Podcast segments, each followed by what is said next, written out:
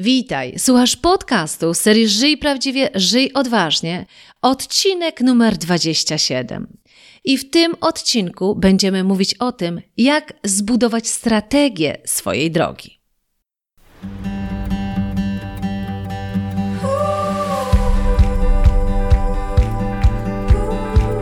Witaj w serii podcastów Żyj Prawdziwie, Żyj Odważnie.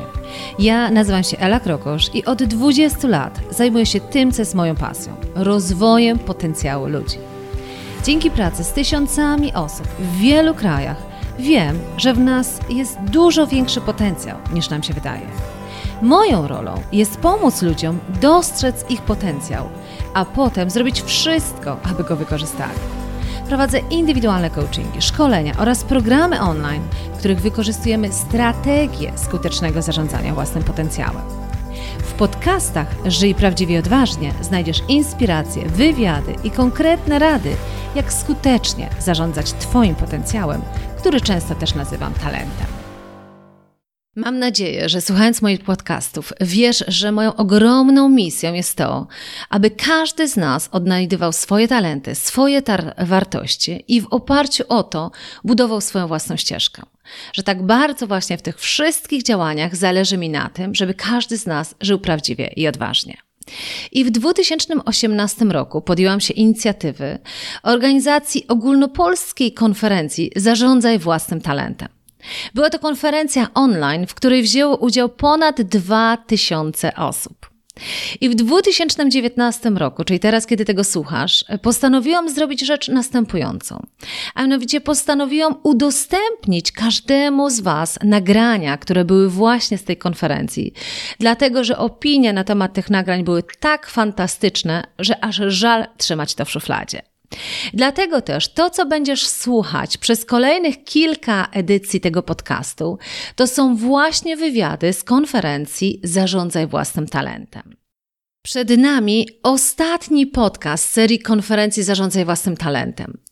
Jeżeli udało Ci się posłuchać podcasty od 21, gdzie mówiliśmy o tym, praca na etacie czy własna firma, poprzez podcast numer 22, gdzie mówiliśmy o tym, co powstrzymuje nas Polaków przed osiągnięciem tego, co chcemy, czy podcast 23, gdzie mówiłam o tym, co powstrzymuje nas kobiety przed osiągnięciem tego, czego chcemy, a być może jeszcze po podcaście 24 jesteś, czyli co to znaczy być talentem, mieć silną pozycję na rynku pracy, bądź po podcaście numer 25, gdzie mówiliśmy o tym, jak zawrócić z obranej drogi i pójść we własną stronę, bądź podcaście 26, jak żyć odważniej i osiągać więcej tam, gdzie pracujesz, to teraz jesteś właśnie na etapie podcastu numer 27, podcastu, który zamykał konferencję Zarządzaj własnym talentem, bo skoro wiesz, w którą stronę pójść, to czas na to, żeby zbudować strategię dojścia. I dokładnie jest to ostatni podcast konferencyjny, w którym wspólnie z Jackiem Skyskim Skrzypczyńskim rozmawiamy o tym, jak budować strategię swojej drogi. O tym, kim jest Jacek i jak faktycznie budować tą strategię, dowiesz się za moment ze wstępu konferencyjnego, a potem też już z całego nagrania. Serdecznie zapraszam. Witaj Jacku, witam Cię bardzo serdecznie na naszym y, ostatnim module tak naprawdę tej naszej konferencji Zarządzanie własnym talentem. Witam również. W tym module będziemy rozmawiać już trochę o tym w takim razie, jak zaplanować tą naszą drogę. I bardzo Ci dziękuję za to, że się zdecydowałeś zaangażować, dlatego że wiem, ja wiem i chciałabym za moment, żeby wszyscy e, słuchacze też się tego dowiedzieli. Masz ogromne doświadczenie nie tylko w budowaniu swojej własnej drogi, o czym myślę, że też za moment powiesz, ale podziwiam też to, jak pomagasz wielu osobom, które po części nie chcę powiedzieć, że zabrnęły, bo to może nie byłoby dobre słowo, no ale jakby gdzieś na przykład 15-20 lat poświęciły na pójście w daną stronę i przychodzą do ciebie po to, żeby właśnie trochę się zatrzymać i się zastanowić, czy są na własnej drodze. Także bardzo się cieszę, że tym doświadczeniem też będziesz się dzielił. Dziękuję. Z przyjemnością. Ale co by i słuchacze uwierzyli, że właśnie takie doświadczenie masz i jest to naprawdę coś cennego, co warto posłuchać, to chciałabym Cię poprosić, żebyś e, trochę tak więcej powiedział nam o swojej historii, o Twoim doświadczeniu, skąd ono pochodzi, tak żeby i słuchacze trochę bliżej zrozumieli właśnie Twoje podejście. Zastanawiam się, jak daleko w tył mam się cofać, bo ta historia rzeczywiście zaczyna się dosyć wcześnie. Tyle, ile dla Ciebie jest e, odpowiednie. No myślę, że takim ważnym elementem jest to, że jako młody człowiek, no nastolatek, że tak powiem, marzyłem o tym, żeby robić coś niezwykłego, coś ważnego i tak dalej. I to, co się mi jakby trochę trafiło, bo zacząłem oglądać mapy, czytać książki i tak dalej, to góry i chodzenie w góry i zdobywanie szczytów. Samemu, z innymi ludźmi, a również na himalajskich wyprawach. I e, jak chodziłem w te góry, to w pewnym momencie stwierdziłem, dobrze, ja chciałbym nauczyć ludzi, jak mają zdobywać te swoje szczyty, niezależnie od tego, jaki to szczyt jest, szczyt życia czy szczyt kariery, e, i że to mnie straszliwie pasjonuje, a nie jak to instruktora e, wspinaczki może pasjonować wiązanie węzłów, jakie chwyty się łapać, co robić. To mnie nie interesowało za bardzo, raczej ta psychologiczna strona, mentalna strona. No i co tu dużo ukrywać, jeszcze głębsza strona że tak powiem, nie wiem, jakoś z jednej strony gryzło, z drugiej strony swędziało i tak dalej, że szukałem organizacji, która by to robiła właśnie. A w tych czasach, to były lata 80., jeszcze w Polsce nie było żadnych coachingów i tak dalej, nikt o takich rzeczach nie mówił. Były jakieś tam oficjalne doradzanie zawodowe, to się tak nazywało. E, I e, zamarzyłem w ogóle, żeby pojechać gdzieś indziej, zobaczyć świat, zobaczyć, czy tam coś takiego nie jest możliwe. I trafiłem do Kanady, e, gdzie marząc o tej organizacji, dosyć szybko taką organizację znalazłem. Ona nazywała się Outward Bound Canada. I w tej organizacji ludzie przyjeżdżali na wyprawy 7-21-dniowe, najdłuższe 60-dniowe, żeby zastanowić się nad swoim życiem i żeby po tym e, obozie, bo tak to można nazwać, bo to było w lesie, w górach, na morzach, generalnie pod namiotami i daleko od jakiejkolwiek cywilizacji, już wiedzieć na pewno, co oni chcą w życiu, jaką drogą pójdą i w jaki sposób pokonają pewne wewnętrzne i zewnętrzne bariery, które dotychczas im w tym przeszkadzały.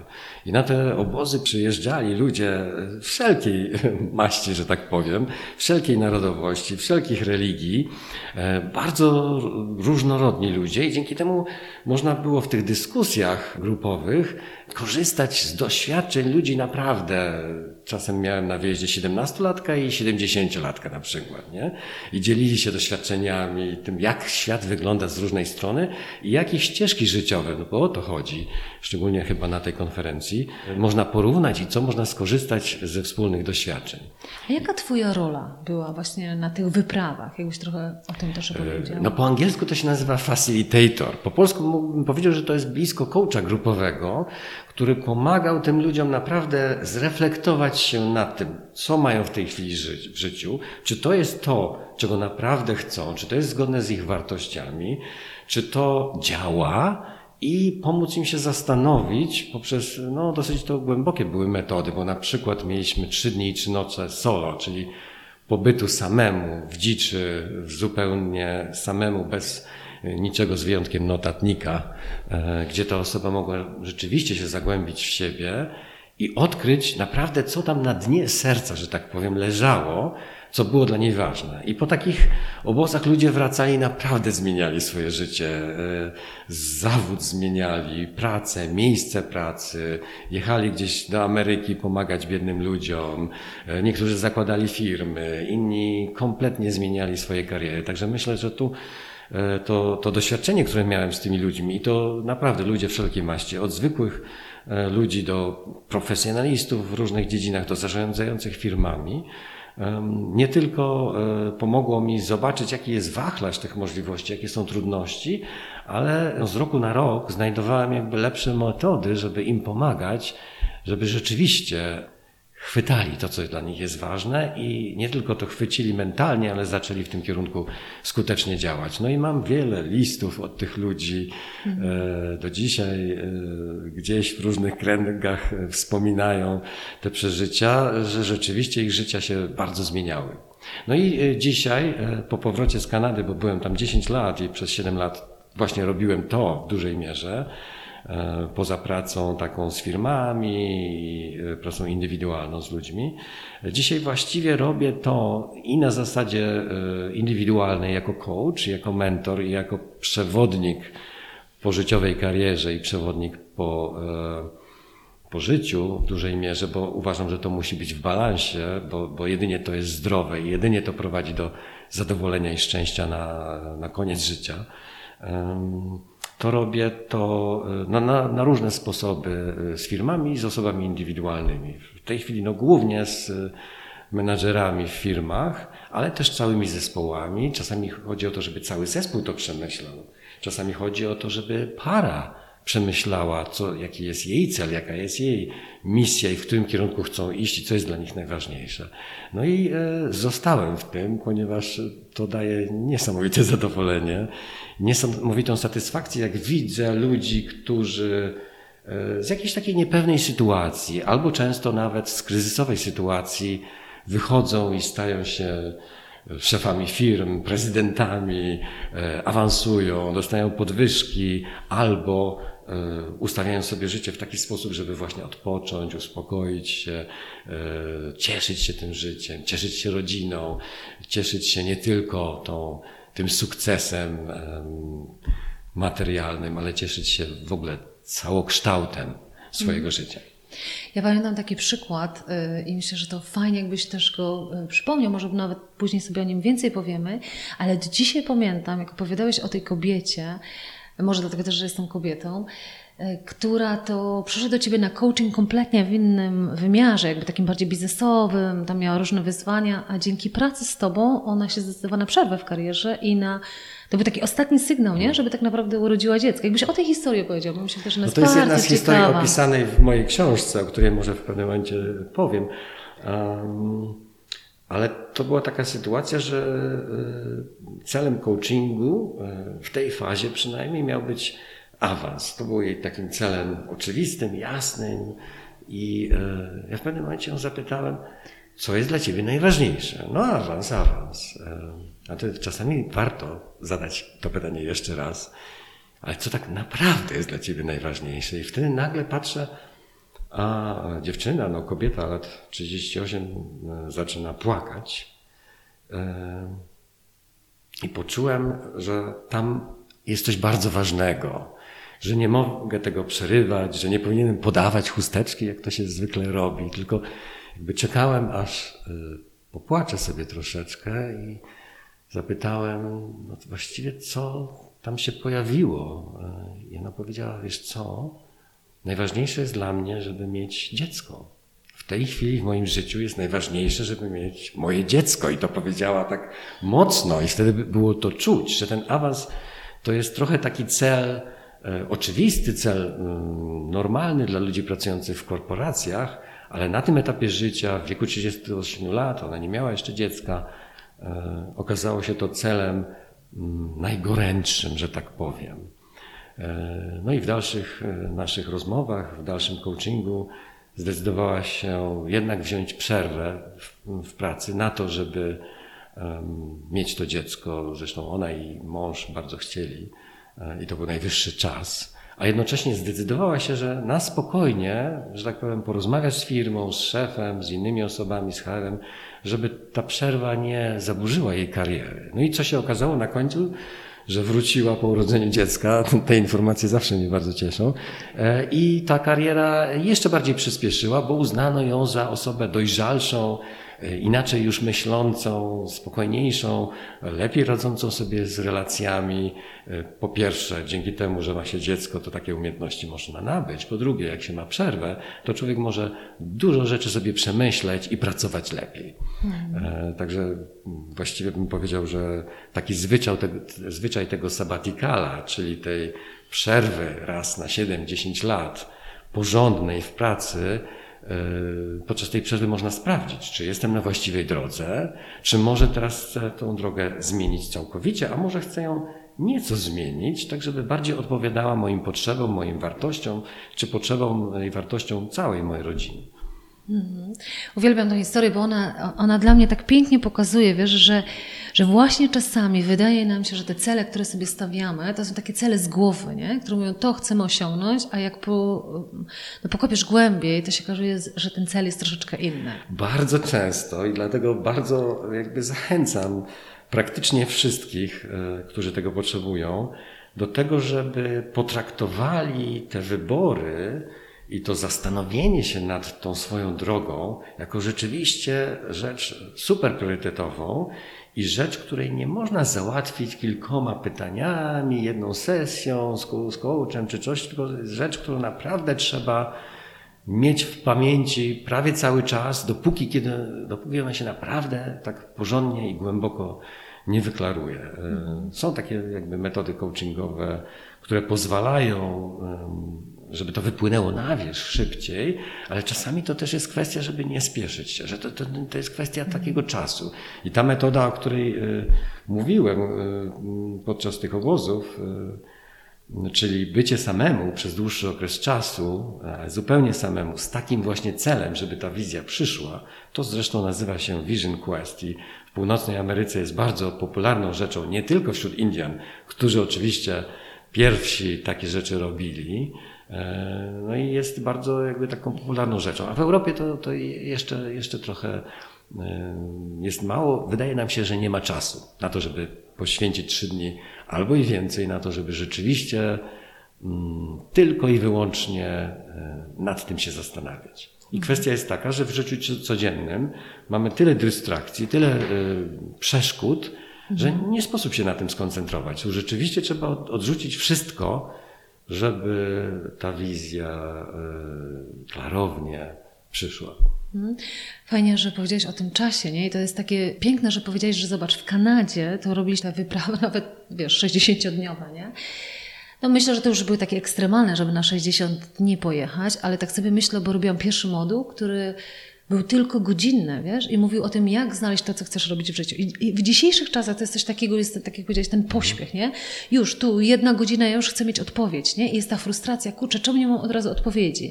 A tak jak mówię, żeby naprawdę głęboko zajrzeć, to trzeba trochę więcej czasu. Nie? Skutek szybkiej odpowiedzi bardzo często jest taki, że to nie jest ta właściwa odpowiedź, to nie jest ta unikalna, właściwa odpowiedź, która należy do Twojego serca czy Twojej duszy, jakkolwiek to określimy, e, i pochodzi mhm. raczej z tego, co gdzieś zasłyszałaś, zobaczyłaś, czy zobaczyłeś, pochodzi z tego, co trochę narzuca albo marketing, albo E, cywilizacja, społeczność albo rodzina. I, I tutaj często wybory są bardziej tradycyjne, a okazuje się, taka jest przynajmniej teoria w tym, i ja w to naprawdę głęboko wierzę i widzę to po ludziach, z którymi pracuję, że każdy nosi w sobie taki zalążek, taką żołądź czegoś unikalnego, czegoś, na co świat czeka. I może to jest górnolotne i tak dalej, ale power, jaki to daje, siłę, jaką to daje,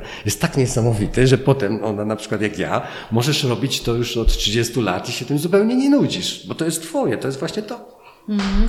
To jest piękne, bo to jest właśnie ta wewnętrzna pasja, nie? o której my często rozmawiamy, jak pracujemy ze sobą, że często ludzie, i to no, no jakby ja to nazywam, że sprzedają duszę, nie? Sprzedają duszę za komfort, za wygodę, ja to mówię, że sprzedają duszę za darmowe jabłka, których to jakby trochę zakładasz te klapki, mówisz, dobra, nieważne czym się chcę zajmować, ważne, że jest mi tutaj bezpiecznie, dostaję, że tak powiem, odpowiednią kasę, dostaję odpowiednie rzeczy i nawet się boisz poświęcić czas na to, żeby głębiej zajrzeć, nie? Bo tam jakby to trochę narusza to takie mhm, status quo, mm, prawda?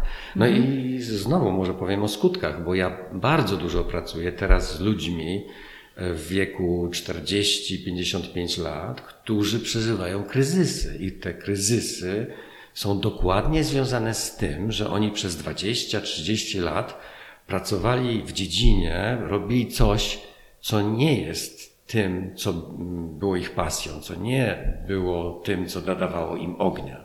I, i w związku z czym przeżywają ten kryzys i nagle myślą, jest trochę późno w wielu przypadkach, żeby to kompletnie zmienić, ale już tak daleko zaszli w tym swoim zawodzie, w swojej profesji i tak dalej, że no trochę jest mało czasu. Natomiast nadal wśród tych ludzi znajdują się tacy, którzy zmieniają to kompletnie, albo trochę, także to się bardziej zgadza z ich wartościami i zaczynają żyć w sposób zupełnie inny i z znacznie większym uśmiechem na twarzy i widzę to po nich, jak w skrócie kwitną, bo weszli na swoją drogę. Jest takie też określenie, albo idziesz czarną ścieżką, czyli tą, którą ci wyznaczyli, albo idziesz zieloną ścieżką, która automatycznie jest twoja i wszystko na niej jest łatwiejsze.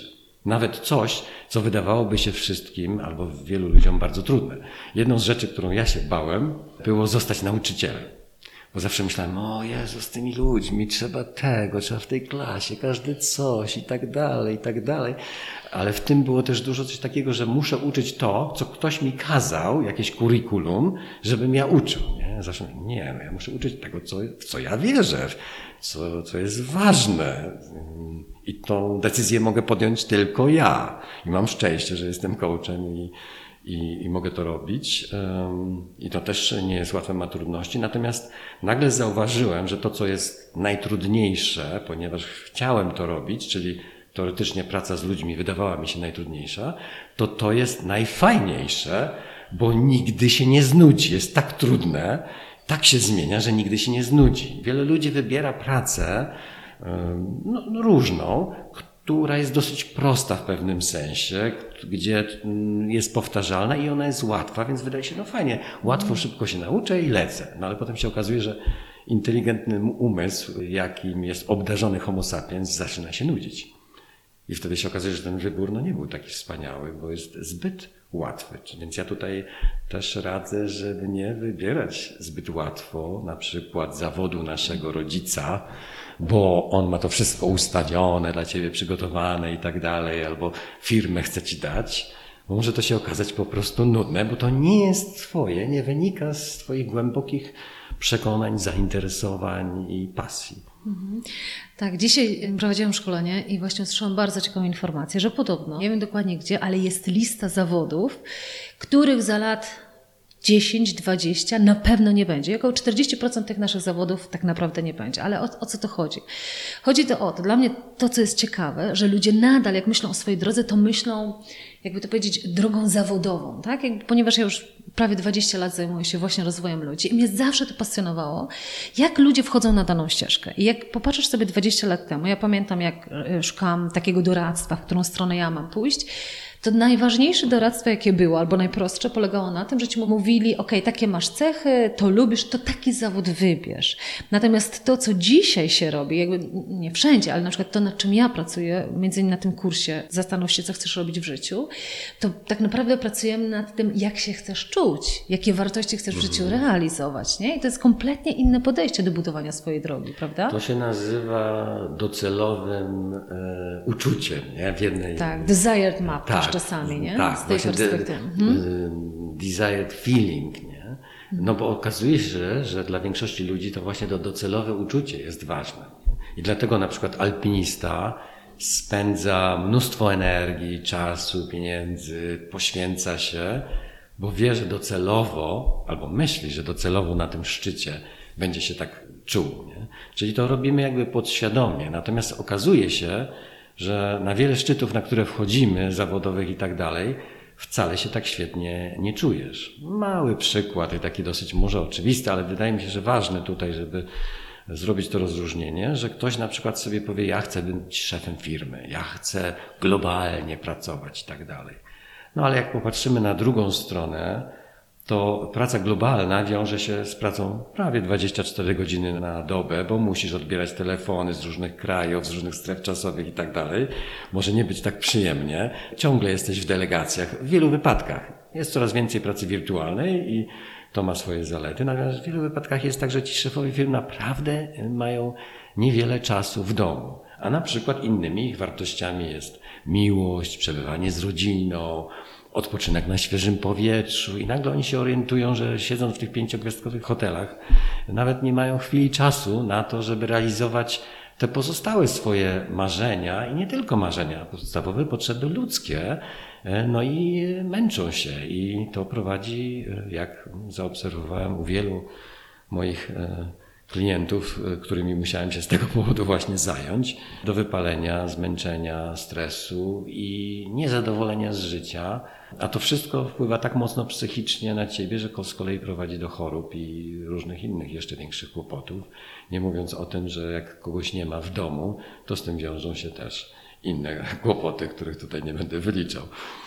Ale co ciekawe, ja myślę, że wśród y, słuchaczy mały procent będzie ludzi, którzy mają na dzisiaj 40-50 lat. Natomiast to pytanie pod tytułem właśnie, w którą stronę pójść, zadają sobie już coraz młodsi. Nie? Ja myślę, że jakby tak. ci, którzy nas słuchają, to myślę, że mają około tych co najmniej 5 lat pierwszych doświadczeń, kiedy widzą, że nie wszystko jest możliwe, ale kiedy mówią, kurczę, jednak chciałbym, że tak powiem, pójść w swoją stronę. Jeszcze patrząc na to, że jedną z takich głównych wartości tego nowego pokolenia jest właśnie robienie czegoś, co ma sens, tak? Nie tylko jak w pokoleniu X, jakby osiąganie szczytu, szczytów, tak jak powiedziałeś, jakby budowanie sukcesu, tylko większa tako, taka samoświadomość, okej, okay, ale tak naprawdę jaki szczyt ja chcę.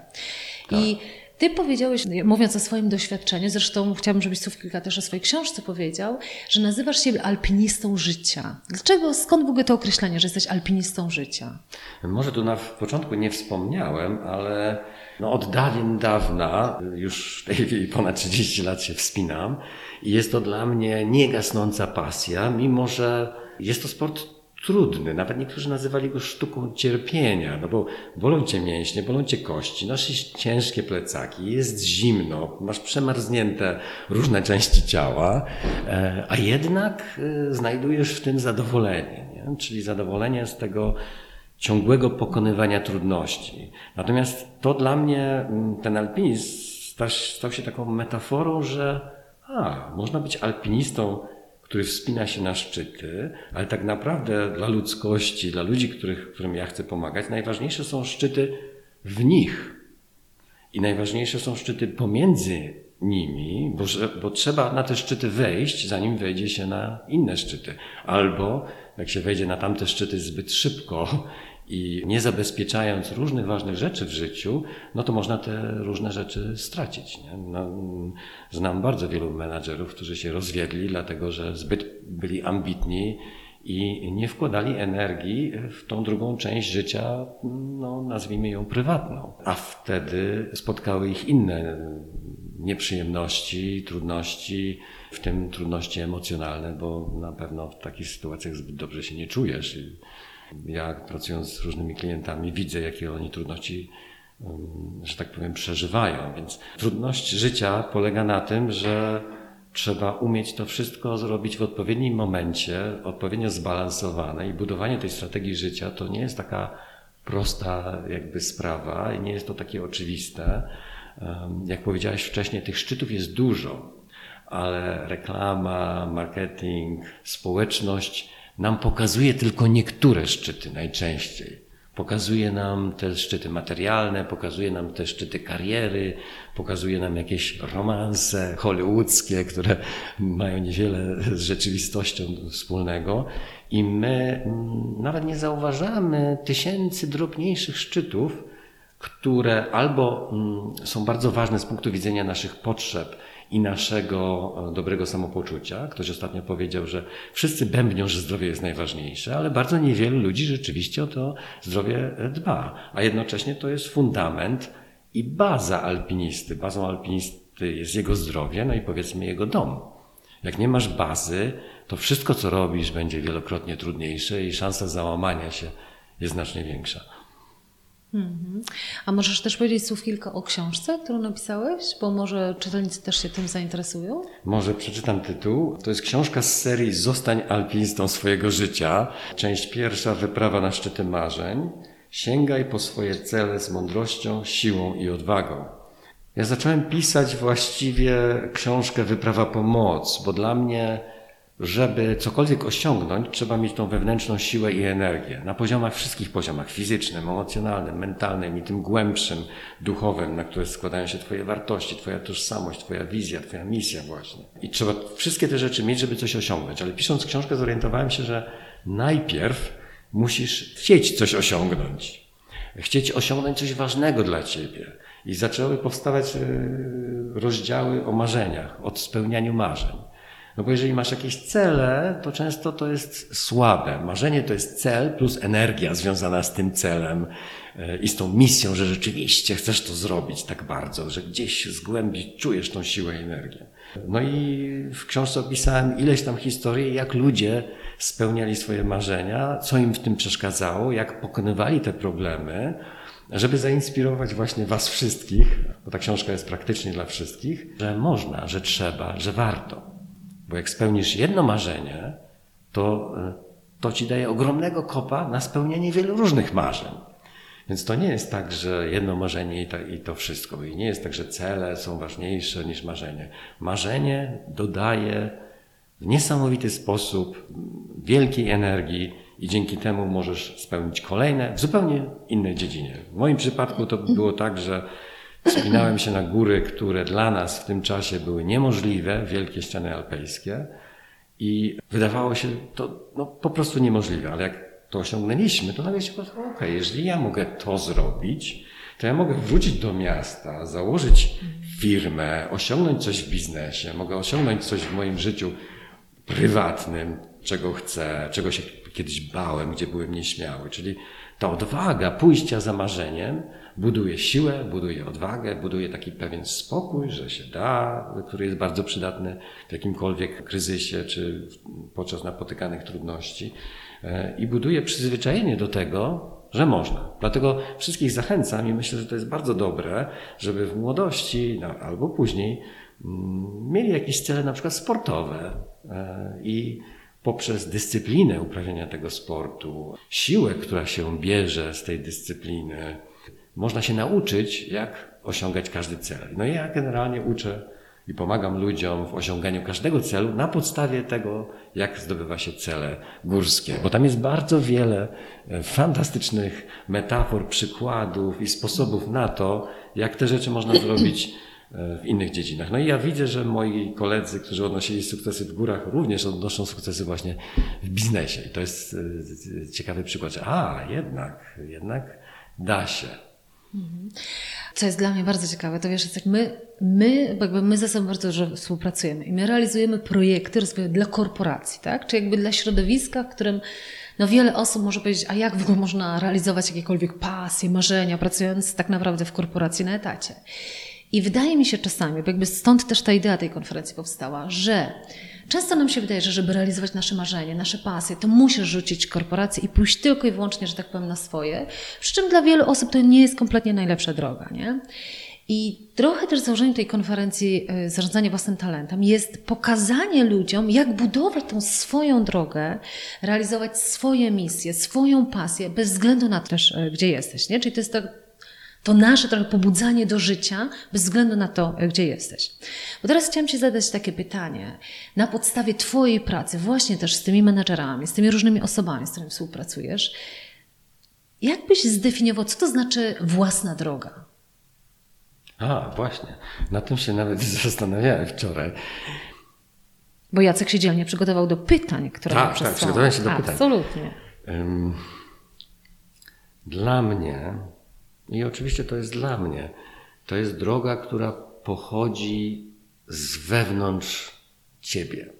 To jest coś, co gdzieś się tam rodzi wewnątrz i coś, co czujesz, ze za sobą ciągnie ogromną energię, którą masz.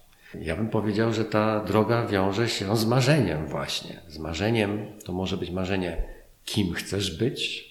To jest bardzo ważne pytanie, kim chcesz być w tym życiu. Może wiąże się z tym, co chcesz robić, czyli jakie szczyty zdobywać. I może się wiązać z tym, o czym Ty mówiłaś, jakie chcesz mieć na końcu e, odczucie, uczucie co do tego, gdzie się znalazłaś e, po tym, jak już osiągasz to, co chcesz osiągać. Fajnie, że użyłeś tego słowa energia, nie?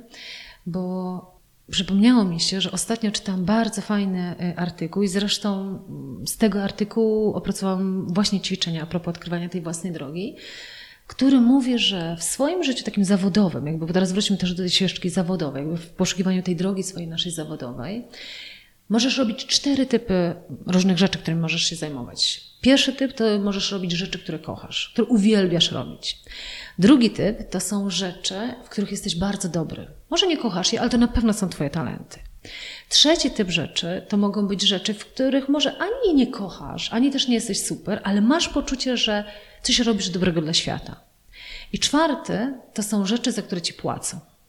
Idealnie, w tym świecie idealnym, każdy z nas chciałby, żeby to szczególnie pierwsze było powiązane z tym ostatnim, czyli robisz to, co kochasz, a w ogóle ten ideał to tak, robisz to, co kochasz, jesteś w tym super, w ogóle zmieniasz świat i jeszcze ci za to płacą. To ja się Ciebie chciałam zapytać, czy z Twojego doświadczenia to jest możliwe? Nie, no oczywiście u, u, moich wielu klientów to się, że tak powiem, sprawdziło. Jest to możliwe. Nie każdy dochodzi do tego. Z różnych względów bym powiedział i o czym może, może za chwilę. Natomiast mi się jeszcze jedna rzecz rzuciła, to jest, bo możesz się uprzeć, że robisz co ty kochasz, a możesz to jakby przetransformować na to, co jest potrzebne. I w związku z tym ty to kochasz, bo kochasz świat w tym sensie. I tu jest moja też opisana w książce druga metoda dochodzenia do Twojej misji, czy do Twojego głównego celu, Twojego marzenia, to jest, że marzenie może być skutkiem Twojego cierpienia. Marzenie może być skutkiem Twojego bólu, Twoich problemów, najczęściej dużych, porządnych problemów. Ja bym powiedział jeden przykład mój akurat, że ja jako nastolatek miałem duże problemy komunikacyjne z, ze starszym pokoleniem, z moimi rodzicami i tak dalej. No to była przepaść pokoleniowa, jak zwykle. I to mnie strasznie bolało, że ta bliskość jakby malała, bo oni jakby narzucali pewne swoje poglądy, ja chciałem pewne rzeczy, to się dla nich wydawało zupełnie chodzenie po górach, y, takie mrzonki, że tak powiem. I to ich ciśnienie i takie sytuacje, kiedy mi zabraniali, powodowały, że to jeszcze bardziej się budziło. Nie? I budziło się po pierwsze to, że chciałem chodzić w góry, ale też zbudziło się to, że bardzo chciałbym, żeby ludzie się lepiej komunikowali, żeby ludzie lepiej się porozumiewali, w związku z tym byli szczęśliwi, nawet, nawet rodzice z dziećmi, ale też ludzie w firmach i tak dalej. I stwierdziłem, że to jest tak ważne i tak pasjonujące, bo jest tak trudne i tak potrzebne, że właśnie się tym zajmę, zostając trenerem. Takie miałem bardzo ostre przypadki, na przykład na wyprawach himalajskich, gdzie zespół, e, dwie osoby w zespołu się pokłóciły, za jednym poszła część, za drugim poszła druga część i w związku z tym nie zdobyli szczytu. mówię, no bez sensu. Bez sensu. Większość ludzkich problemów jest wyimaginowana, wynika właśnie na przykład, że komunikacja się wali, bo każdy chce mieć to, co on kocha w tej chwili i tak dalej, zamiast zobaczyć, okej, okay, no ja kocham to, ale co, czego świat potrzebuje? No i potem to transformuje w takim kierunku, że skoro ja miałem problemy z komunikacją, to prawdopodobnie takich ludzi jest znacznie więcej. No i w ten sposób trafiłem do pracy z młodymi ludźmi, od młodych ludzi utalentowanych, poprzez młodych ludzi jakby normalnych, którzy mają mnóstwo różnych problemów swoich, po młodych ludzi e, zagrożonych kryminałem albo nawet kryminalnych. I oni mieli te same problemy tak naprawdę, jakie mają wyżsi ludzie, tylko one były, byli zrozumiani w inny sposób i to prowadziło do innych, groźniejszych skutków. Ale cały czas jest ta praca ta sama. Ok, zróbmy tak, żebyśmy byli zadowoleni, żebyśmy się dobrze komunikowali i to mi jakby bardzo leży na sercu. Kiedykolwiek słyszę jakąś konwersację, że ktoś na kogoś krzyczy, coś, coś się dzieje, to ja tego trochę nie mogę wytrzymać. Mówię, stop, ja muszę coś z tym zrobić. I oczywiście próbuję w danym momencie, ale też wymyślam całe programy dla osób indywidualnych i, i firm, e, żeby poprawić te relacje, bo, bo czuję to kłucie w sercu w tym momencie. Czyli z tego cierpienia, które było kiedyś, które pojawia się w danym momencie, moja misja cały czas jest mi przypominana i dlatego to jest takie łatwe w tym momencie, bo e, te, ta igła w serce kłuje. I myślę, no dlaczego ci ludzie mają tak? Znam ludzi, którzy, nie wiem, zajmują się biednymi dziećmi. E, znam ludzi, którzy pomagają kobietom w ciąży, bo tak jest trudno tą, tą ciążę dotrzymać we właściwym sensie. I tak dalej, i tak dalej. Że możesz znaleźć mnóstwo niż dziedzin, gdzie ktoś cierpi i ty mu chcesz pomóc po prostu. Najczęściej ty go zrozumiesz, jeżeli na to samo cierpiałaś. Ja mam taką sytuację, piszę książkę o moim kiedyś bólu pleców przed dziesięcioma laty, który był straszliwy, ale który wyleczyłem kompletnie i nic mnie nie boli. Wiem, jak to zrobić i wiem, że mnóstwo ludzi ma ten problem i mówię sobie, okej, okay, przecież ja mogę w ramach tego mojego coachingu, w ramach tego um, doradzania czy przewodnikowania, jak to nazywam, mogę im kilka rzeczy podpowiedzieć i jak bez bólu pleców się czujesz, a z bólem pleców to jest tak diametralna różnica, że jest to tak wielka pomoc, że ludzie są szczęśliwi, że w końcu ich nie boli. Nie? I każdego człowieka coś boli. I ciebie też na pewno coś boli. I dla mnie ten sposób odnalezienia misji może być nawet mocniejszy niż takie troszeczkę no, wymyślenie, w czym ja tam jestem unikalny, co, co bardzo kocham. Nie? Zobacz tak, na swoje tak. problemy, na swoje bóle i na swoje cierpienie i wiedz, że możesz to odwrócić o 180 stopni, wyjść z tego problemu sam, a potem pomagać innym i że to będzie bardzo silne, bo ty tego nie zapomnieć, bo ból był tak mocny, tak straszny, że tego po prostu to ci nie wyjdzie z pamięci, w związku z czym będziesz miała ten płomień zrodzony w bólu, żeby, żeby pomagać innym. A e, nie ma e, w tej chwili kariery, czy zawodu, czy profesji, w której nie można i nie trzeba pomóc komuś innemu. Za to ludzie płacą, żeby im pomóc. Fajnie, Jacek, powiedziałeś to o tych talentach, nie? że zobacz, y, jak często ludzie definiując talenty, koncentrują się na tym, w czym jestem dobry, jakie mam mocne strony, tak, tak. robią różnego rodzaju testy, żeby to odkryć. Natomiast w tym naszym podejściu do tego, to jest bardziej jaki masz talent, z którym przychodzisz na ten świat i pomożesz trochę ten świat też zmieniać. Czy jakby czym możesz pomóc w tym świecie. I teraz m, przypomniała mi się taka sytuacja. Ostatnio miałam szkolenie i robiliśmy takie ćwiczenie, gdzie rozdałam e, 19 celów United Nations, takie celów, e, które trochę, te sustainability goals, czyli takie cele, które zakładają, że w życiu, znaczy w życiu, jakby w ogóle w świecie chodzi o, o osiąganie czegoś więcej niż tylko na przykład celów biznesowych. Czy na przykład bieda, to z tym świat chce walczyć. Z równością płci albo z z równym dostępem do edukacji, czyli tego typu jakby takie trochę globalne podejścia. I poprosiłam, żeby każdy wybrał sobie jeden cel, który najmocniej przemawia do niego. Jakby taki mm dla niego najważniejszy, że gdyby miał czas, to właśnie w to chciałby się zaangażować. I to była taka piękna podpowiedź, bo jak później każdy opowiadał, dlaczego akurat ten cel wybrał, to była taka piękna podpowiedź dla niego samego, co dla niego jest ważne. I potem jakby budowaliśmy na tym i się zastanawialiśmy, okej, okay, to w takim razie co mógłbyś zrobić, nawet małego, tak? Czyli nawet pracujesz na etacie, w korporacji, gdziekolwiek, co nawet małego możesz zrobić, żeby żeby w kierunku tego celu iść. Nie? Tak. Że to jest fenomenalna podpowiedź, nie? jeśli chodzi o to, y, co jest Twoim talentem rozumianym co ty możesz do tego świata dodać? Tak, więc ja, wydaje mi się, że rzeczywiście mamy trochę inne podejście niż na przykład Galup, który patrzy, i to jest ważne, na Twoje strengths, czyli Twoje talenty, tak zwane. Tylko, że te talenty są opisywane w takich dosyć, y, dosyć są ogólne, na przykład talent do działania, czy do komunikacji dobrej, E, czy do eksplorowania też jest taki talent odkrywcy, prawda? I to jest trochę za bardzo ogólne, żeby z tego wyszła rzeczywiście jakaś nisza i jakiś cel. Dlatego ja wolę cel, i to nie jest takie inspirujące. No dobrze, jestem dobry w komunikacji jakiejś tam werbalnej, no ale co z tego, nie? Ja wolę e, tym zapalnikiem, żeby było marzenie, czyli jakiś szczyt chcesz osiągnąć, który ten szczyt ci się podoba, albo który problem na świecie rzeczywiście cię tak um, powoduje skurcz twojego serca, że nie, no naprawdę chciałbym, żeby tego nie było. Nie?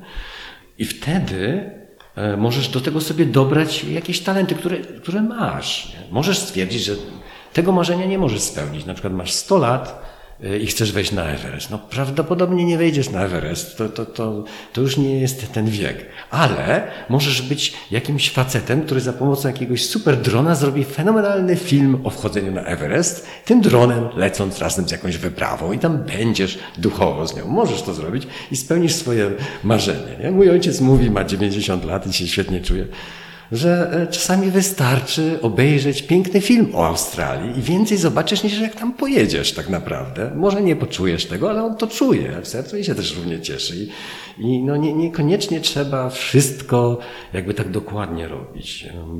Natomiast e, jeszcze jeden przykład, który chciałem podać, to jest, e, albo dwa podam. Jeden szybki. Jedna dziewczyna chce zostać reżyserem w szkole filmowej.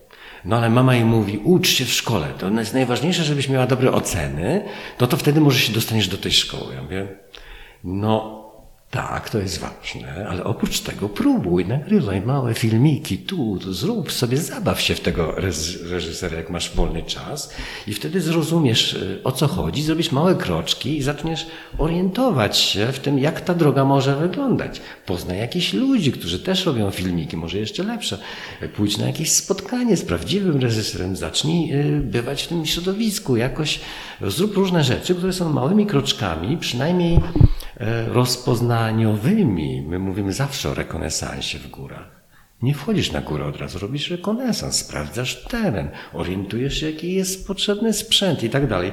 I czasami po rekonesansie stwierdzasz, nie, to nie jest, to mnie nie bawi, to jest zbyt niebezpieczne, to nie o to chodzi. A i tam na tym rekonesansie znajdujesz coś innego, może coś troszeczkę innego. Na przykład, o, ja lubię pisać scenariusze i ten pojawia się ten, ten inny cel, ale w trakcie już jak coś robisz, żeby dochodzić do tego. Czyli to może być taka troszeczkę taki mini labiryncik, że idziesz za jednym celem, ale po drodze ten twój cel się może zmienić albo udokładnić, może być ogólnie w tym obszarze, ale jest nieco inny. Tylko, że jeżeli nie wejdziesz na tą drogę, jeżeli nie zrobisz rekonesansu, polecam robienie rekonesansu, no to nic nie będziesz wiedział. Będziesz miała tą mrzonkę, że kiedyś zostaniesz reżyserem, a nie zrobiłeś żadnego filmiku w ciągu ostatnich 10 lat. Jak ty chcesz być reżyserem?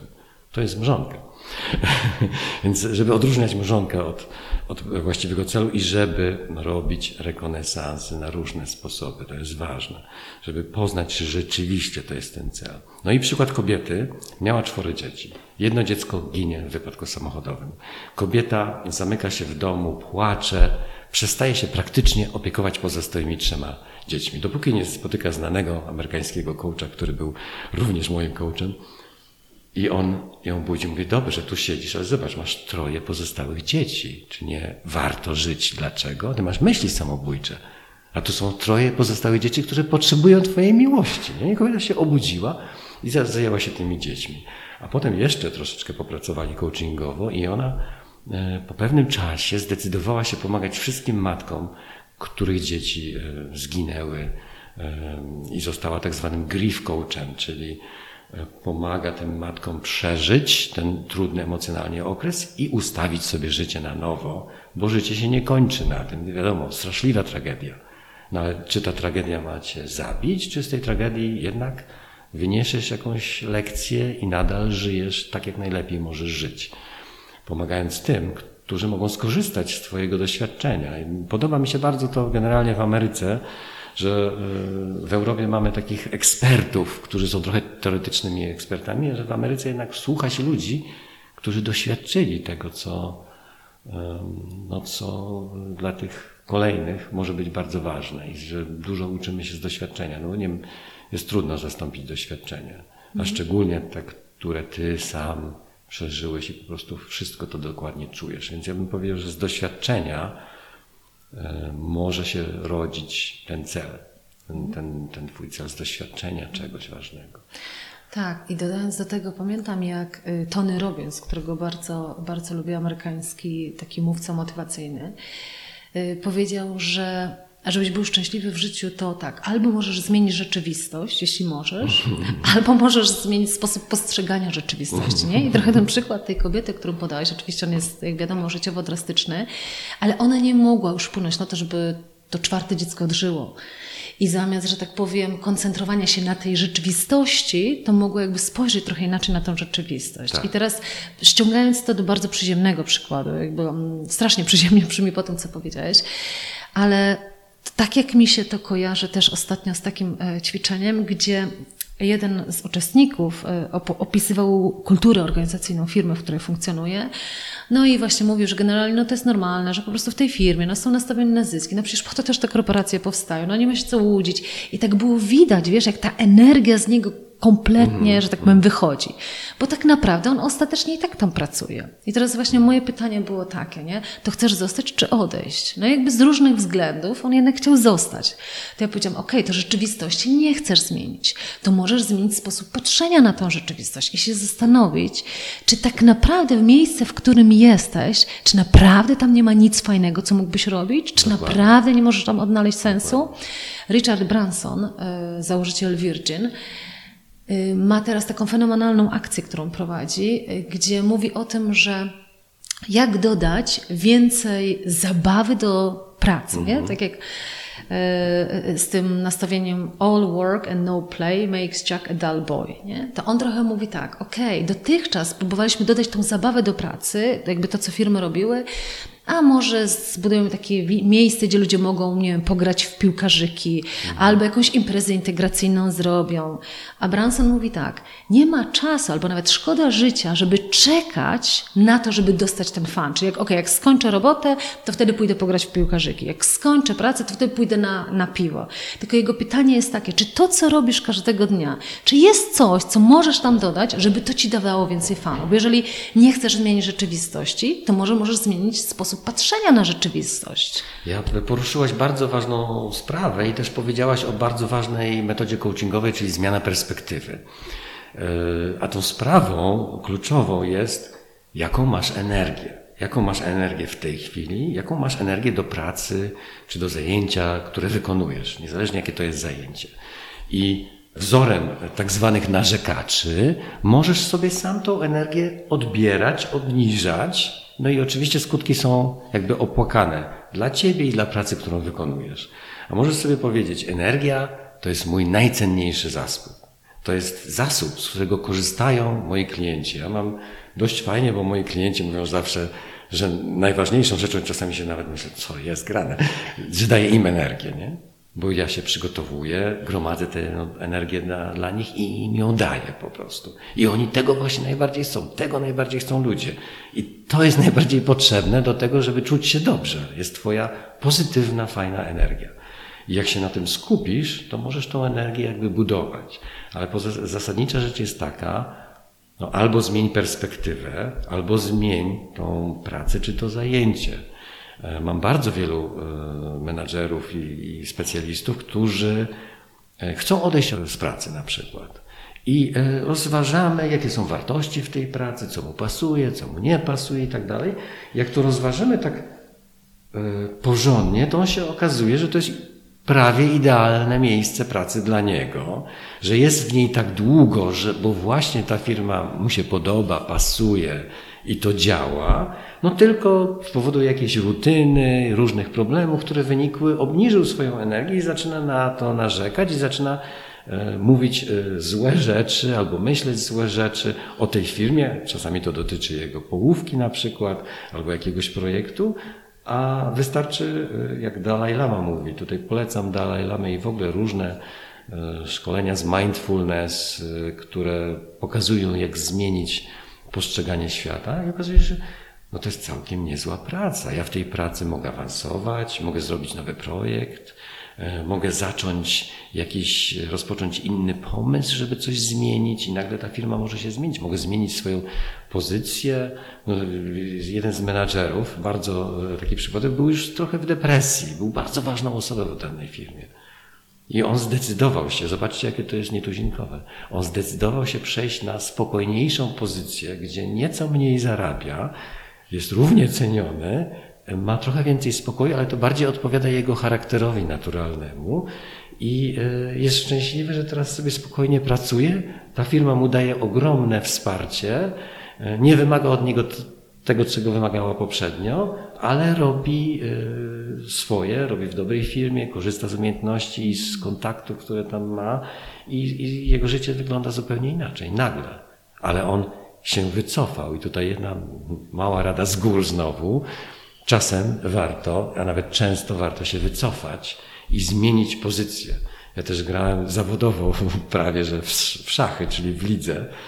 I e, w szachach też jest tak. Czasami strategia e, powoduje, że masz się wycofać. Masz się wycofać czasami na kilka miesięcy, czasami z jakiejś pozycji, czasami na rok, żeby z tej innej pozycji, y, mieć inne doświadczenie, inne myślenie i może się okazać, że zauważysz zupełnie nowe rzeczy. Ja osobiście mogę powiedzieć, że po moich plecowych problemach z moimi plecami wycofałem się dość mocno z zarządzania moją firmą, zmieniłem zupełnie to, jak firma jakby wygląda, odpocząłem i przez te ostatnie kilka lat, w tej chwili czuję się genialnie, świetnie, mocno, fizycznie. Chyba mam wrażenie, że odmodniałem i to mi mówią ludzie, bo, bo ja w tej chwili pracuję w inny sposób, który jest bardziej przyjazny dla mnie.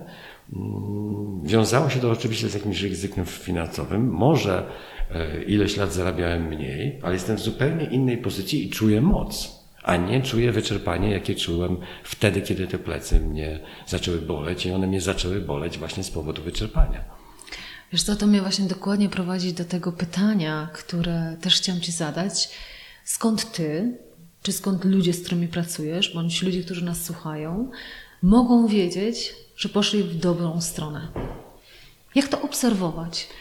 Y, to jest dosyć proste. Czujesz się dobrze, jesteś szczęśliwy, y, przynajmniej w tym aspekcie pracy, bo w innych obszarach życia mogłeś pójść w inną stronę, niekoniecznie dobrą, ale czujesz, że to jest to miejsce i, i masz dosyć często tak zwany flow. Flow to jest taki stan, jak wiecie pewnie, bo to jest coraz bardziej popularne, kiedy jakby zapominasz o tym, że pracujesz, tylko płyniesz, mijają godziny i, i coś zrobiłeś i jesteś kreatywna. Natomiast bardzo wielu ludzi w Polsce i nie tylko widzę, że męczą się w swojej pracy. No więc jeżeli się męczysz, to jest taki znak, jest to wyraźny sygnał, a jeżeli się mocno męczysz, to jest mocniejszy sygnał, a im dłużej będziesz ten sygnał ignorować, tym będziesz bardzo się męczyła. To jest mocniejszy sygnał na refleksję, na strategiczną refleksję, gdzie sama, albo lepiej z jakimś specjalistą, czasami to jest potrzebny coach, czasami konsultant, czasami terapeuta, różne osoby, czasami przyjaciel, gdzie siądziesz i powiesz, ok, są symptomy, które wskazują, że coś nie gra. Co to może nie grać? Typowymi przykładami, jestem niezadowolona z pracy z moim szefem. Akurat, na przykład. Jestem niezadowolona z godzin mojej pracy, bo mam dziecko. Jestem niezadowolona z tego. I, i, i zastanowienie się, Czasami to są drobne rzeczy. Ok, ja mogę zmienić kilka drobnych rzeczy. Jedna osoba przeniosła się z biura, gdzie mogła okno otworzyć, bo wtedy jej nawet sama zainwestowała, żeby zmienić okno na otwieralne żeby po prostu oddychać trochę bardziej, żeby mieć trochę bardziej światła, więcej światła. Czasami to są drobne rzeczy nie? I, i z reguły jest kilka takich rzeczy i poprawiając je możemy zobaczyć, ok, jest dobre. Jedna osoba zmieniła stanowisko na inne, jedna zajęła się innymi e, projektami, bo tamte się znudziły. Jedna, taki fajny przypadek, zaczęła chwalić szefa, który ją ganił cały czas, który ją krytykował. Szef zaczął ją też chwalić, bo ona pierwsza wyszła z inicjatywą, że lepiej chwalić niż ganić i zaczęli siebie chwalić. Jest jej dobrze teraz w tej, w tej samej dokładnie pracy, z tym samym dokładnie szefem. Więc um, często to są rzeczy, o których zapominamy, ponieważ jesteśmy w pędzie. Więc taką niezbędną rzeczą jest zawsze wycofać się z tego pędu, przynajmniej na chwilę, żeby dobrze sobie to przemyśleć i ułożyć na nowo. Na tym polega generalnie coaching, że e, dajemy przestrzeń, żeby osoba się zastanowiła, gdzie jest, co czuje, jakie ma w związku z tym potrzeby, jakie wartości tu są honorowane, jakie nie są honorowane. I spojrzeć, okej, okay, to może ja mogę to zmienić tak jak na szachownicy. Wszystko się da praktycznie prawie zmienić. Jeżeli zaczynamy wierzyć, że się nie da zmienić, no to już jesteśmy mm, jakby w takim kącie, z którego trudno wyjść, a to jest pułapka. I e, taka wiara, coachingowa wiara, że zawsze można coś zmienić, się przydaje, no bo e, świat naprawdę się tak szybko zmienia, różne rzeczy się dzieją i cały czas są okazje do tego, żeby trochę sobie poprawić. Jak nie w tym obszarze, to w innym.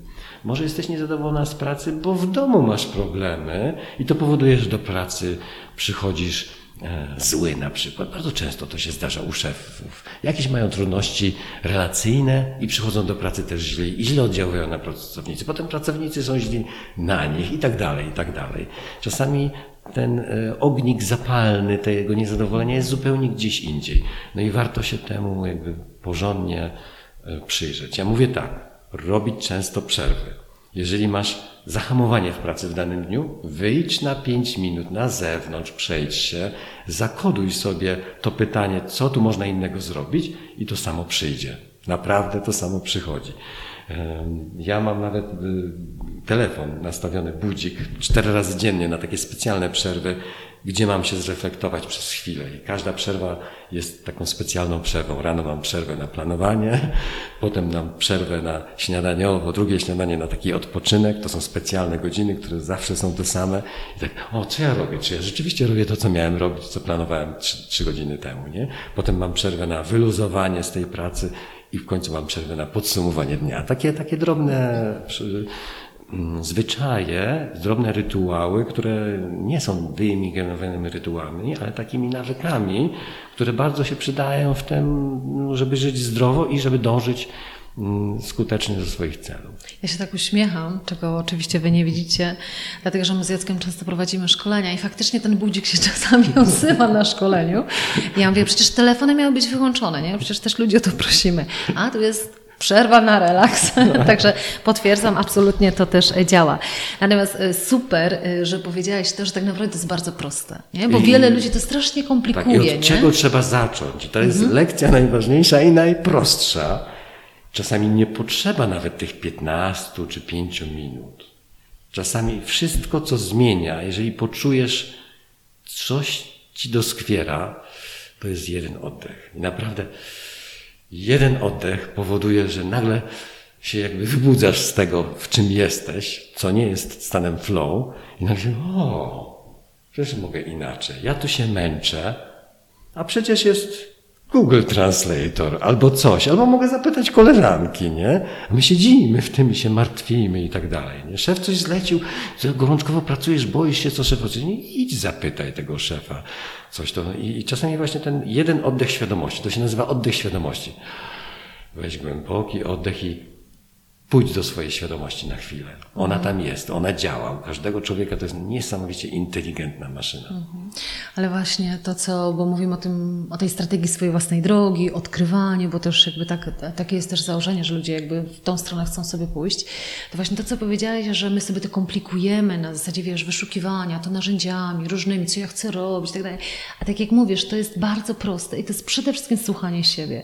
Ja znam to na swoim przykładzie, e, kiedy od jakiegoś czasu właśnie właśnie miałam takie uczucie, że coraz więcej momentów pojawiało się takiego niezadowolenia, nie? jakiejś takiej, takiej frustracji i mówię, kurczę, co się dzieje? Przecież już tak naprawdę 20 lat zajmuję się rozwojem ludzi. Ja to uwielbiam, ale co się dzieje? I mogłabym tak naprawdę powiedzieć, może ta praca nie daje mi już frajdy, tak?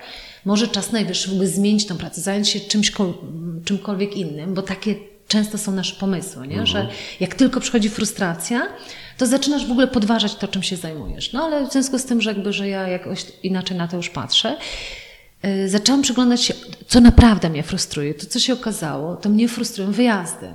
Tak? Bo ja mhm. mam dwie dziewczyny w wieku 6 i 8 lat. Tak?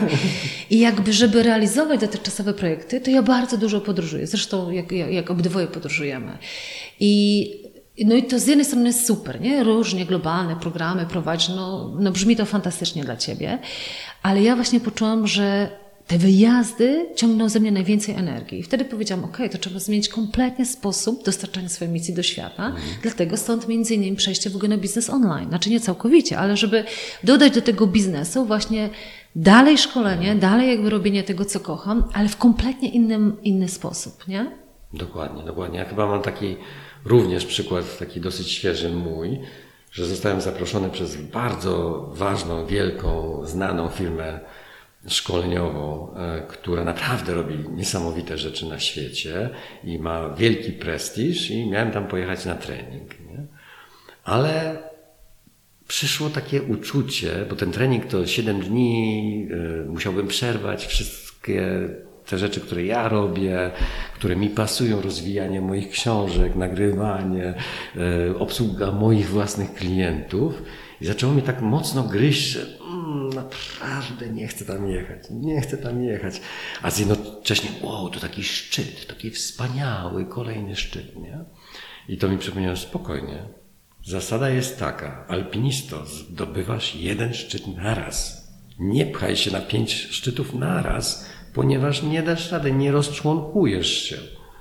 Czasem możesz coś delegować i tak dalej, ale generalnie koncentruj się na tym, co najważniejsze i koncentruj się na tym, co najbardziej chcesz.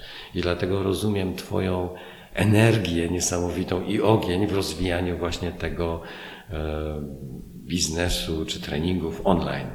E, bo jakby tak mocno doszło do ciebie, że to jest właśnie to, co chcesz, mimo, że to jest taka niełatwa góra, żeby to zbudować, żeby to rozruszać, żeby to się rzeczywiście zaczęło. Mhm, Ale jest twoje. Tak.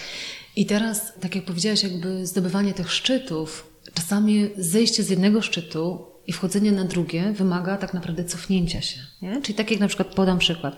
Dla mnie dużo prościej byłoby dużo więcej zarabiać, rozwijać fenomenalnie to, co robię dotychczas, czyli jakby szkolenia, wyjazdy międzynarodowe. Ale w związku z tym, że właśnie to nadwyręża moją wartość związaną z rodziną, ja muszę zbudować kompletnie nowy szczyt, nie? bazując na tym wszystkim, e, co robię. Ale to wymaga pewnego cofnięcia się i kompletnie nowego zaangażowania się czasowo, energetycznie kompletnie nowe przedsięwzięcie. Mhm. I teraz chciałam się Ciebie zapytać, z Twojego doświadczenia, kiedy Ty pomagasz swoim klientom wchodzić na te szczyty, określać, jakie są ich prawdziwe szczyty, jakie widzisz takie trzy największe przeszkody, które powodują, że jednak oni nie idą w tą stronę, w którą chcieliby pójść? Ja sobie tutaj e, napisałem, mm, no takie hasła może. Jedną z tych haseł jest, e, powiem wprost, ego, czyli jakby nadmierna ambicja. I to jest coś takiego, że mamy menadżera, który chce zaraz przeskoczyć na następny szczyt. Wręcz wykorzystać ten szczyt jako trampolina do następnego szczytu. No i on sobie skacze na ten następny szczyt, ale jest jakby nieprzygotowany, nie odpoczął, nie zregenerował się, nie wziął sobie porządnego urlopu, skacze na ten następny szczyt, który jest wyzwaniem i jak wiecie, nawet jest takie powie, powiedzenie, że menadżer awansuje dopóki y, nie wpadnie y, w rejon, gdzie jest niekompetentny i już nie jest w stanie się tego nauczyć. Nie? No i on w końcu ląduje tam, gdzie jest niekompetentny, I e, jeżeli jest trochę w starszym wieku, często e, to jest koniec jego kariery, bo natrafił na, na kamień trudny do zgryzienia i już go jakby nie, nie chce ktoś później zatrudnić, bo porwał się na coś zbyt wielkiego dla siebie, co było ambicją, a nie było prawdziwym marzeniem, bo moja definicja marzenia czy, czy drogi jest taka, że Robiłbyś to nawet gdybyś nie miał żadnych pieniędzy. Miałbyś tendencję do robienia tego, czyli pomagania ludziom, nie wiem, leczyć swoje plecy albo y, zdobywać fajne gry komputerowe, no cokolwiek to jest. Tak czy owak byś to robił. Nawet za małe pieniądze, nawet jako volunteer byś tam poszedł. Jeżeli nie czujesz tego powołania w ten sposób, tylko wiesz, tam zarobię kasę, no to za, za tym nie pójdzie ogień i to będzie takie pragmatyczne i to będzie takie zimne i to nie będzie w tym serca, a to jest to, co klienci właśnie czują. Klienci czują, że ty masz w tym serce, że masz serce dla nich związane z tym, co im możesz dać, czy czym możesz im pomóc. No i to nie przyniesie zbyt dobrych rezultatów dla nich, ani również dla ciebie. Więc to jest taka, no trochę takie sekretna niby tajemnica i tak dalej, ale jednocześnie to jest dosyć oczywiste. Tam, gdzie jest energia, rzeczy rosną, tam, gdzie nie ma energii lub jest ona niska, rzeczy maleją i sukces znika. To jest pierwsza przeszkoda, czyli ego. E, także ego lub inaczej ambicja, bym powiedział. Mm -hmm. I to jest dosyć trudno sobie rozpoznać, bo często możesz mieć takie otoczenie, które cię do tego zachęca. Inni menedżerowie, którzy mają lepsze samochody. To jest typowe działanie korporacji na przykład, że zachęcają różnymi najczęściej materialnymi środkami. Jest fajnie, dlaczego ja nie mam? To ja może chcę, ja chcę tam awansować. Czyli widzisz, patrzysz na kogoś innego, co on zdobywa lub co chce i to ci się wydaje kolorowe, złote, piękne, zamiast patrzeć na swoje potrzeby. Może, może twoją potrzebą, tak jak na przykład w twoim przypadku, nie jest szkolenie jeszcze większej ilości, jeszcze większych prezesów, tylko wycofanie się i robienie czegoś innego, bo to ci daje niezależność, spokój, wolność, możliwość e, zaopiekowania się Twoją rodziną, możliwość, na przykład dla mnie jest strasznie ważny ruch fizyczny. Ja e, staram się, żeby moje szkolenia miały elementy na zewnątrz, więc zawsze wychodzę na zewnątrz z tych hoteli, robię różne gry ciekawe, bo wtedy czuję, że jest energia po prostu większa, naturalnie wynikająca z natury i moi uczestnicy też to czuję po nich, że oni też się jakoś budzą bardziej w tej energii. Nie? Także mm, przykład z alpinizmu, który znacie, wszyscy pchają się na Everest. i ginie tam mnóstwo ludzi. No a ci najlepsi to już się pchają na K2 i na pewno słyszeliście ostatnie doniesienia z K2, gdzie znowu ginie mnóstwo ludzi, bo włażą na K2 albo obok ten Nanga Parbat, też bardzo trudny, nie? Ale jak się rozejrzysz po tych szczytach, które istnieją, to znowu jest metafora, ale myślę, że pasująca. Są piękne szczyty, Shivling, Sickle Moon, Matterhorn, które są znacznie mniejsze, trudniejsze, łatwiejsze, ale są piękniejsze i mogą dla ciebie być tym specjalnym szczytem, który nie nadwyręży twojego ciała, budżetu, rodziny nie roz, rozbije, e, ale sobie wejdziesz, masz tą przyjemność i może możesz więcej ich zrobić i masz równie dobre wspomnienie, bo ja wchodziłem również na szczyty himalajskie i na szczyty takie mniejsze i muszę powiedzieć, że na tych mniejszych było więcej czasu, żeby cieszyć się tym, tą przyrodą tych wszystkich, a na tych wysokich trzeba stamtąd zwiewać i się ratować, żeby nie zginąć. Tak samo jest na szczytach korporacji. Na tych wysokich szczytach to naprawdę jest trudno się utrzymać i, i e, dla większości normalnych ludzi to jest ogromny stres. Także popatrz na to, jakim jesteś, że tak powiem, zwierzęciem, co dla ciebie jest, e, jest ważne i w jaki, jaki ma być twój styl życia. O, tego jeszcze nie powiedzieliśmy. Jaki chcesz mieć styl życia? Czy chcesz mieszkać w wielkim mieście i latać pomiędzy wieżowcami, jak ci menadżerowie w Londynie? Bardzo lukratywne pozycje. I mam takich znajomych. Czy chcesz na przykład mieszkać na wsi, gdzieś zielono, gdzie spokojnie twoje dzieci bawią się w piaskownicy, a nie w smogu? Czy e, chcesz codziennie latać i odbierać telefony? Może ci to pasuje? Może chcesz być wśród ludzi, bo, bo masz taki charakter, nie? Popatrz na swój charakter. E, czyli bym powiedział, że to druga problem to jest dopasowanie celu do e, tego, kim jesteś i jaki chcesz mieć styl życia. To jest e, taka sprawa. No i trzecia rzecz, która jakby się z tymi wiąże, to ja to nazywam dyscypliną. We wspinaczce to jest bardzo ważne, ale we wspinaczce też na cokolwiek jest tendencja we współczesnym świecie, że wszystko chcesz mieć od razu albo szybko. Nie? I pójdziesz do firmy, jesteś tam pięć dni i mówisz, ale ja chcę mieć większe stanowisko, szefie tego i tak dalej. Spokojnie, masz dużo czasu. Życie naprawdę jest długie, jak na to popatrzysz. Planuj, czasem bądź szachistą.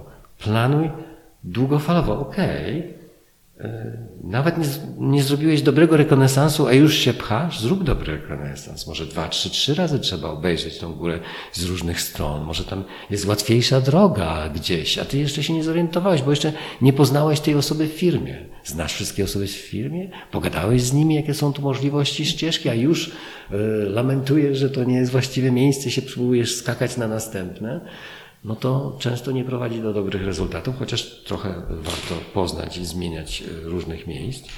Ale mm, e, to jest takie uzbrojenie się w cierpliwość czy opóźnienie gratyfikacji, co e, jest na przykład ważne przy oszczędzaniu, bo tutaj też mówimy o finansach.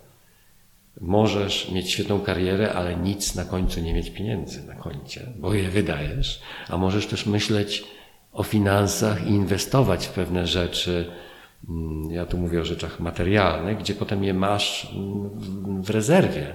Jak masz tą rezerwę, bo masz, nie wiem, mieszkanie dodatkowe albo jakąś działkę, którą możesz sprzedać, to możesz sobie pozwolić na urlop roczny, bo chcesz przemyśleć swoje życie na przykład i odpocząć, nie? Ale jak tego nie masz i musisz gonić w piętkę, no to nawet nie masz możliwości na refleksję, bo nie masz czasu. Na małą refleksję masz, ale na dłuższą już nie. Więc y, to zabezpieczenie sobie finansowe, odłożenie tych pieniędzy na, na właśnie takie okresy, kiedy potrzebujesz się uspokoić, powoduje taką wolność wyboru. Wtedy masz prawdziwą wolność wyboru. Jeżeli cię ciśnie finansowo, jeżeli masz kredyt, to nie masz wolności wyboru. E, takie jak masz, kiedy jesteś e, mniej więcej zabezpieczony. No to, to akurat mi się udało w życiu. Ale fajnie, bo powiedziałeś, że jakby trochę tak y, kończąc już ten nasz wywiad, bo patrzę też na, na czas, szanując też Twój czas, e, tak naprawdę na to samo pojęcie powiemy w dwojaki sposób. Z jednej strony ty mówisz, że życie jest długie, nie? żeby gdzieś tam cierpliwie pewne rzeczy realizować. Z drugiej strony ja mówię, że życie jest krótkie, w związku z tym szkoda marnować czasu na zajmowanie się rzeczami, które cię w ogóle nie O kręcą. tak, nie? I o to jest tak. piękno w tym, że trzeba tak naprawdę obie te rzeczy po, e, Tak. połączyć. Ja w jednym z moich filmów, które nagrywałam, jak odkryć to, co chcesz robić, to przypominam taką historię, jak ja 20 lat temu, mojej pierwszej pracy, ja faktycznie chciałam po prostu wchodzić do różnych rzek. Na, najpierw chciałam być trenerem, próbowałam treningu, to takie było super, ale za moment już chciałam sprawdzić w sprzedaży. W związku z tym uwielbiałam sprzedawać klientowi te nasze produkty, a potem chciałam zajmować się marketingiem. I szłam tak naprawdę w marketing. I w tym filmie opowiadam, jak moja szefowa nazwała mnie Ela Karuzela. I w takim negatywnym kontekście, o co tak jesteś Ela Karuzela, jakby ciągle zmieniasz zdanie. To było wiesz, w przeciągu pięciu lat, kiedy tak naprawdę różnych rzeczy się podejmowałam. I ja żyłam z takim poczuciem winy. Kurczę, ja faktycznie nie wiem, co ja chcę robić w życiu. Aż właśnie w pewnym momencie powiedziałam, jak to znaczy, ja nie, nie wiem, co ja chcę robić w życiu. Ja cały czas kręcę się wokół tego samego, czyli to jest trochę jak ta karuzela, która generalnie ma ten SUV w środku, tak?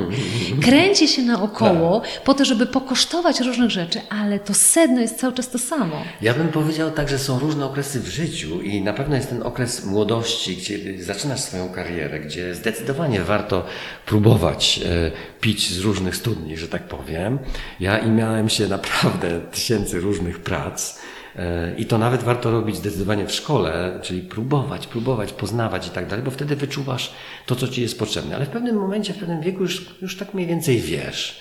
No i wtedy już solidniej kierujesz się w tym kierunku. Ja po tych wszystkich różnych rzeczach nagle stwierdziłem, ja naprawdę chcę być profesjonalistą, który robi głębokie rzeczy, które pomagają ludziom. I stwierdziłem, no dobrze, to co ja będę? Okej, to ja będę pracował z ludźmi. Wiem, że to jest cholernie trudne i tak dalej, i tak dalej, ale teraz się tego podejmuję. Miałem wtedy 25 lat, jak to się zaczęło. E, Po iluś tam, od 15 lat pracowałem w różnych prackach i tak dalej. Wtedy poczułem taki spokój, tak, teraz wchodzę na moją drogę, to jest moja droga, ja wiem i tak dalej, i tak dalej. Drugi mały przykład jest to na zakończenie, to pisanie mojej książki. Od lat e, no mam takie ciągoty do pisania, dużo piszę, jakieś tam poezje, nie poezje i myślę, muszę napisać książkę, muszę napisać książkę. Ale biznes zajmował mi cały czas dużo czasu. I w momencie, kiedy już to, ta chęć napisania książki, w październiku, jak się ciemno zaczęło robić, już była taka ogromna, ja sobie powiedziałem stop. Ja teraz mogę trochę odpuścić klientów. Ja nie muszę zarobić. Nawet miałem takie postanowienie, jak przyjdzie co do czego, to ja sprzedam nawet mój dom, żeby ta książka, to jest tak ważne, powstała. Nie? Na końcu nie sprzedałem, nie musiałem sprzedawać domu.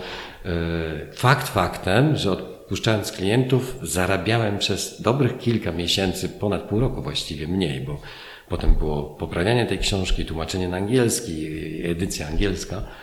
Mm, I powiedziałem sobie, no, coś musisz oddać, żeby coś mieć. Czyli czasami musisz zrezygnować z pewnych rzeczy, żeby coś mieć. Pisząc książkę też no to mi zajmowało 6 do 8 godzin dziennie, więc ja musiałem w planie dnia też zrezygnować z wielu rzeczy. e, Bardzo podstawowych, żeby, żeby ta książka mogła powstać. Ale dzięki tej koncentracji ja jestem dumny, że ją napisałem, że ona jest. E, Klienci wrócili, jak zacząłem tylko wykazywać większą energię e, wobec nich. Cieszą się, że jest ta książka. No i jestem jakby w zupełnie innym miejscu, bo zdobyłem ten szczyt książkowy i teraz widzę, że następne książki mogę znacznie szybciej napisać i, i może jeszcze lepiej, e, ponieważ no, przeszedłem tą drogę prawie krzyżową przez mękę, ale jednocześnie cały czas czuję, czułem, że to jest moja misja, że chcę to robić. E, Mimo, że były takie rzeczy, że no, siedziałem w pomieszczeniach na przykład dużo, chciałem wyjść na zewnątrz, no, ale pisałem książkę głównie e, w środku, no bo była zima i ciemno i tak dalej. E, Ale mam, mam tą jakby ogromną satysfakcję. To jest jedna z rzeczy, z których naprawdę jestem bardzo zadowolony, która wymagała potężnej samodyscypliny, rezygnacji z różnych rzeczy, ale wniosła mnie w jakimś inny wymiar zupełnie. To jest takie piękne zakończenie tak naprawdę tego tematu i dodając właśnie do tego, to tak jak mówię z tą karuzelą, nie? że non-stop jest fan. Jakby dla mnie to jest ważne, że jakby żebyśmy w poszukiwaniu tej swojej własnej drogi, w budowaniu tej swojej strategii, mieli ten słup, który mówi: OK, po coś to robisz? Może jeszcze nie wiesz po co, ale jeżeli skoncentrujesz się na tym, żeby cały czas się zastanawiać, czy to, co robię, daje mi teraz energię, tak? Czy wiem, po co to robię? Czy tak jak nawet mówiłeś, pisałeś książkę, to nie było proste. To na pewno były momenty, kiedy generalnie miałeś ochotę, że tak powiem, to rzucić. Tak. No, te krótkookresowe momenty, ale wiedziałeś ostatecznie, że to ci daje taką energię. I teraz ja tak na zakończenie też właśnie w tym budowaniu tej strategii bym powiedziała tak, żeby więcej samoświadomości, żeby zwracać uwagę na to, czy to, czym się zajmujesz, daje ci tę energię, czy ci kompletnie zabiera tą energię. I jakby w takim, jakby w ten sposób oceniać non-stop, czym się chcesz zajmować, tak? I to może być w krótkookresowym patrzeniu, co w tym roku chcę robić, tak? Co w tym półroczu chcę robić, jakie cele chcę osiągnąć, które dają mi tą energię, a potem się okaże za jakiś czas, że wtedy złapiesz tą misję, po co ty to mhm. wszystko robiłeś.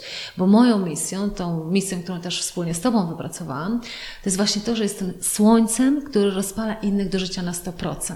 Ale ja ją wypracowałam po 15 czy 18 latach robienia tego, co lubię. Zawsze rozumiałam, po co to robię, ale tą misję sobie ugruntowałam dopiero po takim okresie. Nie? Pamiętam ten Pamiętasz ten moment. moment pamiętam.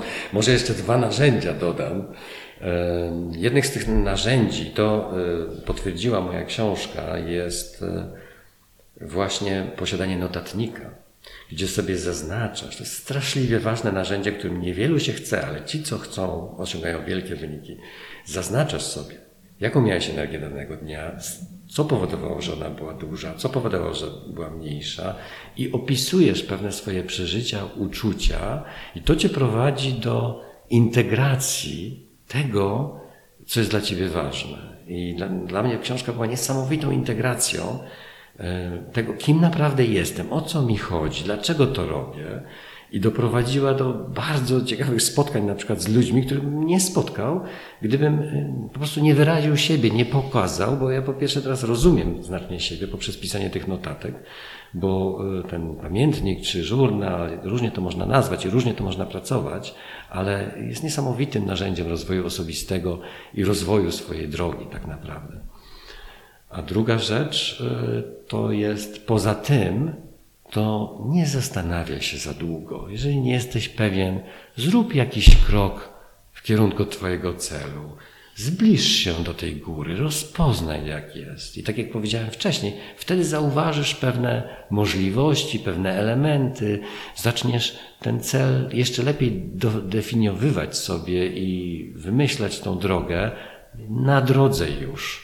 Bo bardzo wielu ludzi znam, że się zastanawiają latami, o co im chodzi, gdzie chcą pójść i nie robią tego pierwszego kroku. A te pierwsze kroki ułatwiają myślenie i pokazują dalsze części drogi. Nie łudź się, że będziesz widziała całą drogę od początku do końca. Ważne, że widzisz jej początek. Super.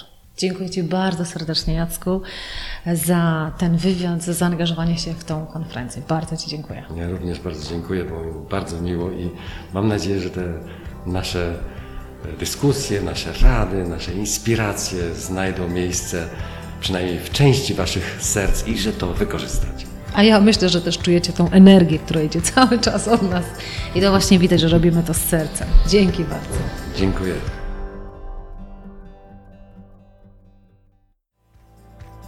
Dziękuję za wysłuchanie podcastu z serii Żyj Prawdziwie i Odważnie. Jeśli chcesz być na bieżąco, otrzymać nowe podcasty oraz dodatkowe materiały, to zapraszam na moją stronę www.elakrokosz.pl.